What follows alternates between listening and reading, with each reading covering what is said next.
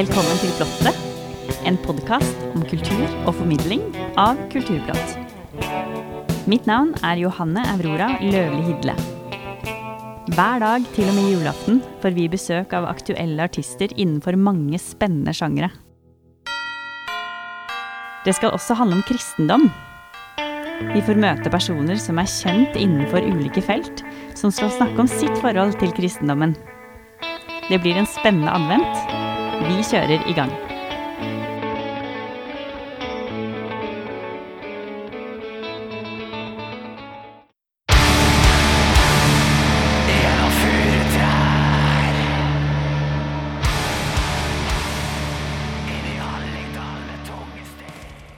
I dag har vi besøk av Ole Hartvigsen fra black metal-bandet Kampfar. Velkommen.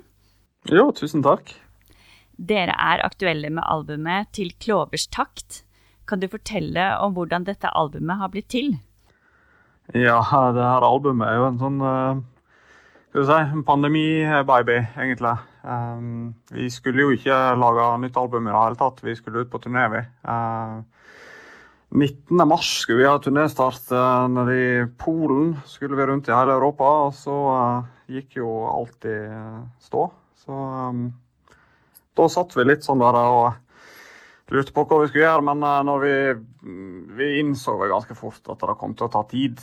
Uh, og for å på en måte ikke bare sitte og ikke være kreativ og ikke gjøre noen ting, så, så begynte vi bare å lage litt låter bare for gøy, egentlig. Uh, bare for å ja, ha noe å gjøre sammen. Uh, og så begynte jo ideene å spinne, og kreativiteten begynte å flomme. Og, og sånne ting, og vi fant jo faktisk ut at det var ganske, det var ganske deilig å bare fokusere på musikk.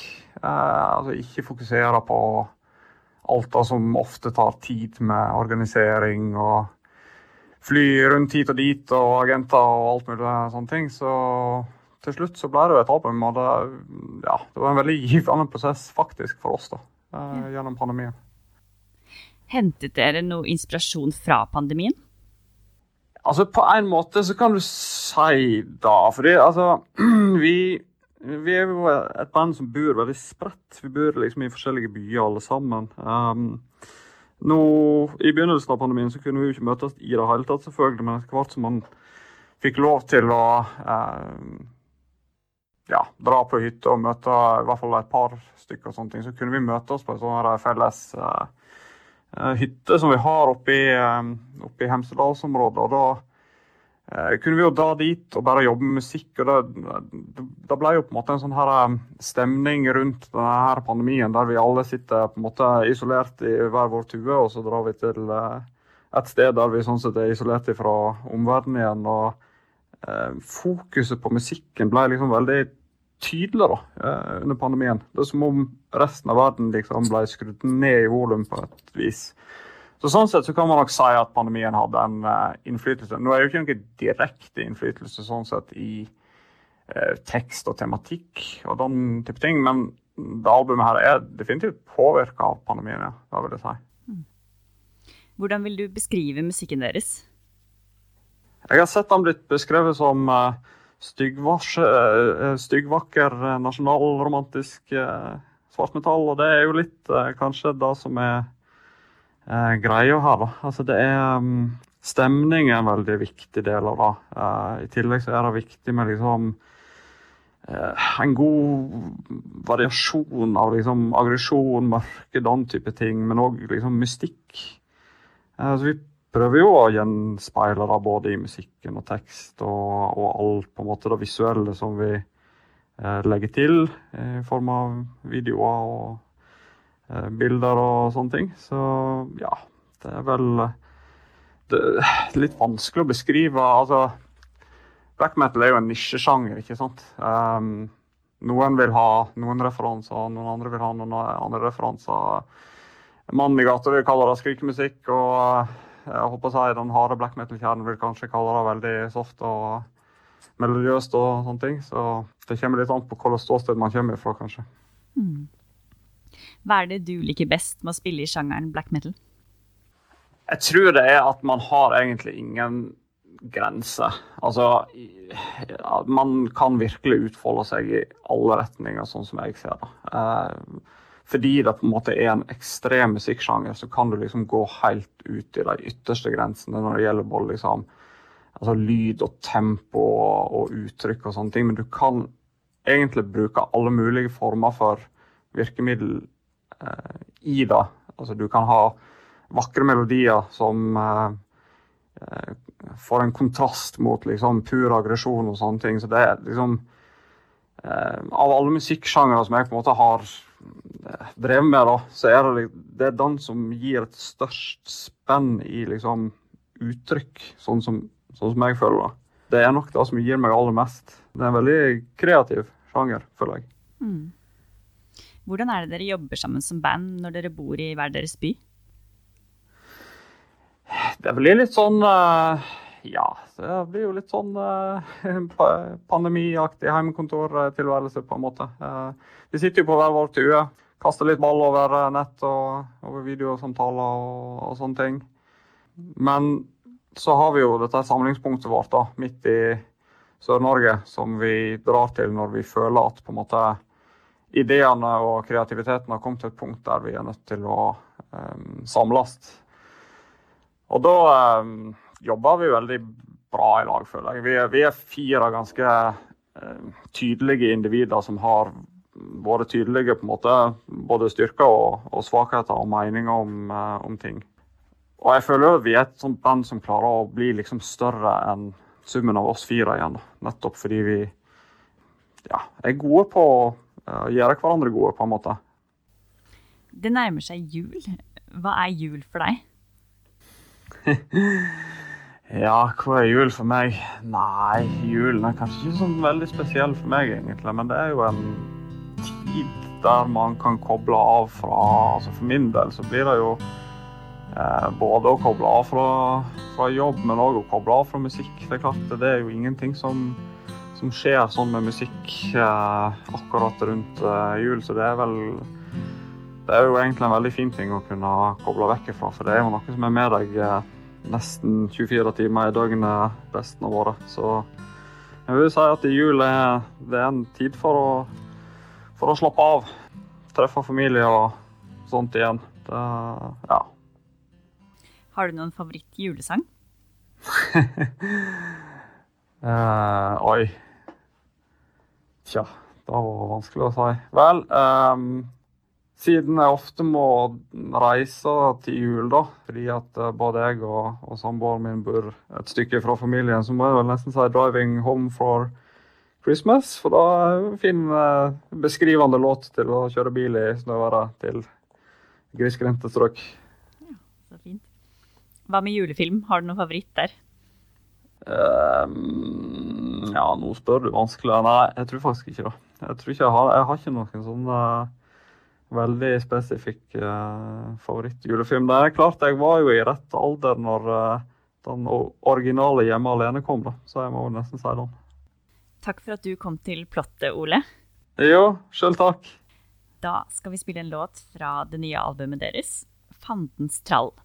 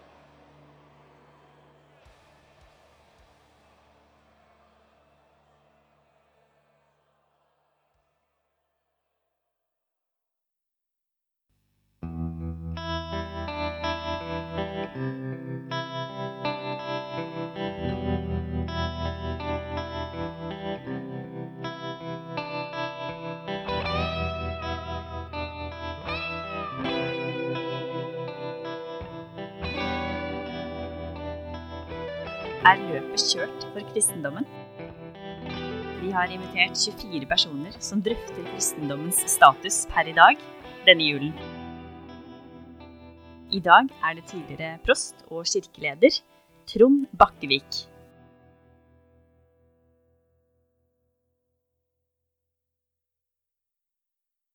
Jeg er av dem som er glad i kirken. Jeg er glad for å være prest, og jeg er glad i kirken. Vi kommer ikke til å gå nedenom. Det kan jeg love. Men da må vi også begynne der hvor kirken begynner. Der hvor min kirke begynner. Den begynner ikke med hva biskopene finner på.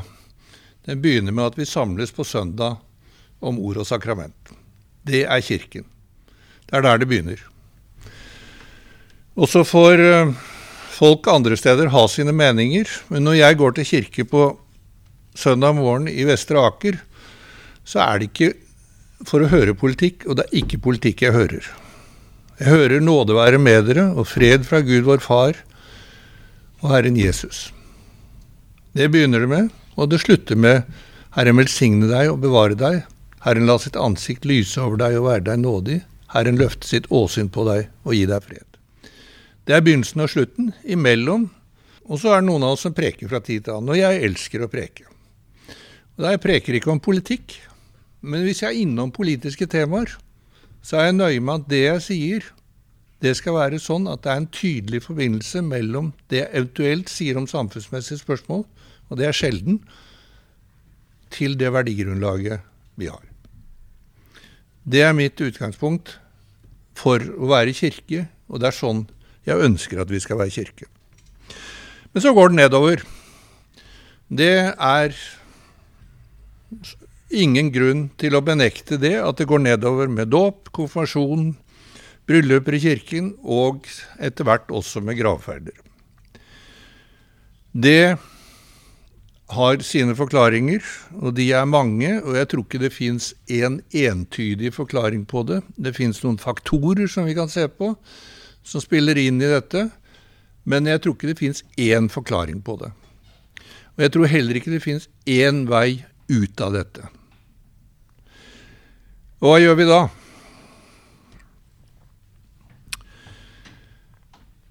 Ja, da ser vi på hva vi kan være.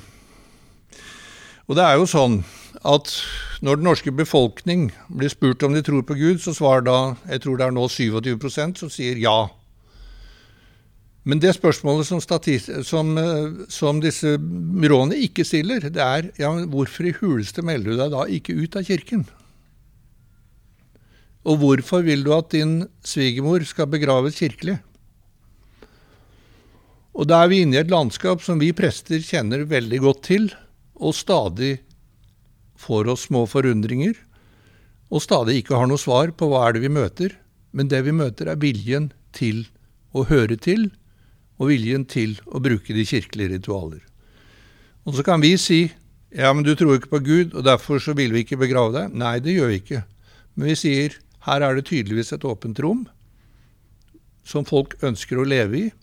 Ålreit, da gjør vi det dere vil, og så gjør vi det på våre premisser, som er de kirkelige premissene. Og det er jo sånn at uh, å være, en, være, nordmann er også, i hvert fall av oss som er liksom så hvithårede som jeg er, og så hvithudede som jeg er, at jeg i Sør-Afrika ble kalt for Pinky. Uh, uh, vi bærer med oss en tradisjon. Didrik snakket om den tusenårige tradisjonen. Vi går snart mot uh, feiringen av, av, innføringen av kristenretten på Mostratinget i 1024. Den var avgjørende for rettsutviklingen i Norge, og den er for meg mye viktigere enn slaget på Stiklestad. Fordi der fikk den enkelte person sitt eget verd. Der ble de løsrevet fra slektens styring. Og der så det at retten ikke utgår fra makten, men fra Gud. Med andre ord, makten er underlagt Gud, og så er det brukt av makten til å få Gud på sin side. Og jeg vil gjerne legge det grunnlaget med forståelsen av Mostratinget, at vi ut fra det kan si at makten utgår, ja, gjerne fra Gud, for det tror vi som tror at mennesket er skapt av, av Gud, men mens, makten utgår fra menneskeverdet. Og det tror vi på. Det lar seg aldri bevise. Det er, tros, det er et trosutgangspunkt. Det er grunnlaget for vår rett. Og det kan vi stå sammen om. Så er det sånn at veldig mye av disse spørreundersøkelsene de de er laget ut fra den pietistiske idealene. De er ikke laget ut fra kulturspørsmålet. Det var et intervju med en forfatter i, i, eh, i Aftenposten i dag. Han hadde funnet frem til at han ville skrive på bibelsk vis, og så skrev han eh, nærmest en fortsettelse av historien om, om Lot. Og så spør da intervjueren hvordan er ditt forhold til Bibelen, og så sier han litt om det. Og så kommer neste spørsmål hvordan er ditt forhold til tro og Bibelen? Og da er du liksom plutselig over i at, at du får ikke frem det som er det kulturbærende element i kristen tro, og som har vært det i kristendommens rolle. Det kulturbærende element har hatt gode, og det har hatt dårlige sider. Og nå er vi utfordret på, og det tenker jeg det kan vi gjøre sammen, som kristne og som humanister, som muslimer, spørre hva har vært de gode kulturbærende elementer i den kristne arven vi har med oss fra Norge. Og Det burde vi gjøre frem mot 1030 og 1024. Jeg tror at vi som kirke må møte det vi kan gjøre litt med, men ikke avgjørende med, med det vi selv tror på. For det første så tror jeg vi må være med å gjenreise respekten for det hellige og det hellige rom, og våge å snakke tydelig om det i den offentlige samtale. Kirken er og oppleves av de fleste som et hellig rom. Det var en forfatter i Nå glipper navnet. Det kommer også med at jeg fyller 74 år i dag. Eh, I, I, Klassekampen i fjor, som skrev om, om kirkegårdsvandrere. Uh, om at hun var en av dem som gikk på kirkegården, så på gravene, snakket med naboen, minnet litt om de som gikk der og sånt noe, men de gikk ikke inn, for der satt de andre. Og det er alt som da sies om politisering av kirken, der satt borgerskapet. Sånn var det i kirken før. Og det, når man kritiserer nå kirken for å være kanskje litt venstrevidd, som man sier, så skal man ikke glemme at vi har en lang tradisjon hvor det har vært veldig annerledes. Uh, uh, og, men, sa hun, hvis kirken brenner, så er vi der alle sammen. Fordi den er det hellige rom i bygda. Og det, tenker jeg, det skal vi som kirke holde fast ved. Ikke på bekostning av noe annet, men bare for å si at det finnes steder i vårt landskap som er annerledes, og som vi ønsker skal være annerledes. Er, eh, derfor er jeg glad for når lederen for Human-Etisk Forbund sier at la kirkene holde, være kirker, og la oss bruke andre steder for å ha begravelser. Så kan vi tenke bort om skal vi være gjestfrie, og hvordan skal vi bruke gjestfriheten. Det er en diskusjon som vi kan ta, men i, i lys av dette her. Så tror jeg vi skal være tydelige på troens innhold. Det snakkes om tilpasning. Troen og troens uttrykk har forandret seg fra kirkens første tid til i dag. Den har aldri vært uforanderlig, bortsett fra at Kirken alltid har holdt fast ved det som er innholdet i, den, i trosbekjennelsen. At Gud er skaper, at Jesus kom som Guds sønn, ble født av jomfru Maria. Øh, noen syns det er trøblete. Jeg tenker at ja, hvis vi tror på Gud som skaper, så why not? Uh, uh, altså Det går an å ha litt enkle enkelt forhold til dette, og kanskje litt barnslig. Men sånn, sånn er det. Vi tror på Jesus som ble korsfestet, vi tror på oppstandelsen, vi tror på det evige liv, vi tror på Kirken, som aldri hadde vært noen kirke hvis det bare skulle vært en alminnelig forsamling. Da hadde den ikke fantes i 2000 år. Den fins fordi Kristus samler oss. Det er vår bekjennelse. Og den er hellig, allmenn. Og den er hellig, den er én, uansett om vi er katolikker eller ortodokse, uansett hva de katolske sier om oss andre, så er den én. På kloden og lokalt. Dette har vært Kirkens bekjennelse fra første stund. Det holder vi fast ved. Og så er det forandringer, sånn som katolikkene plutselig fant ut at de, skulle, at de skulle legge til et ledd i trosbekjennelsen. Det er den type forandringer. Eller da lutheranerne ble hivd ut av den katolske kirke. Men vi er kirke. Og skal vi bygge gode samfunn. Vi har et oppdrag i samfunnet som helhet og på lokalt nivå. Vi skal bidra til å bygge samfunn hvor det er godt å vokse opp, godt å leve, godt å arbeide, godt å bli gammel. De verdiene skal vi holde fast i, og de skal vi holde fast i lokalt, i Norge og internasjonalt. Og så skal vi avlegge regnskap for når det går over til å bli noe mer enn bare et synspunkt på hvilket verdigrunnlag vi har. Og det er der vi ofte strides nå, og nå Kirken nå Kirken kritiseres. Men jeg har lite respekt for den type kirkekritikk som bare tar utgangspunkt i det tilfeldige biskoper sier. Kirken er ikke biskopelige uttalelser. Kirken er at vi samles hver søndag om ord og sakrament. Og Det er der det begynner, om vi skal sikre at ikke det går nedenom med kristendommen i Norge.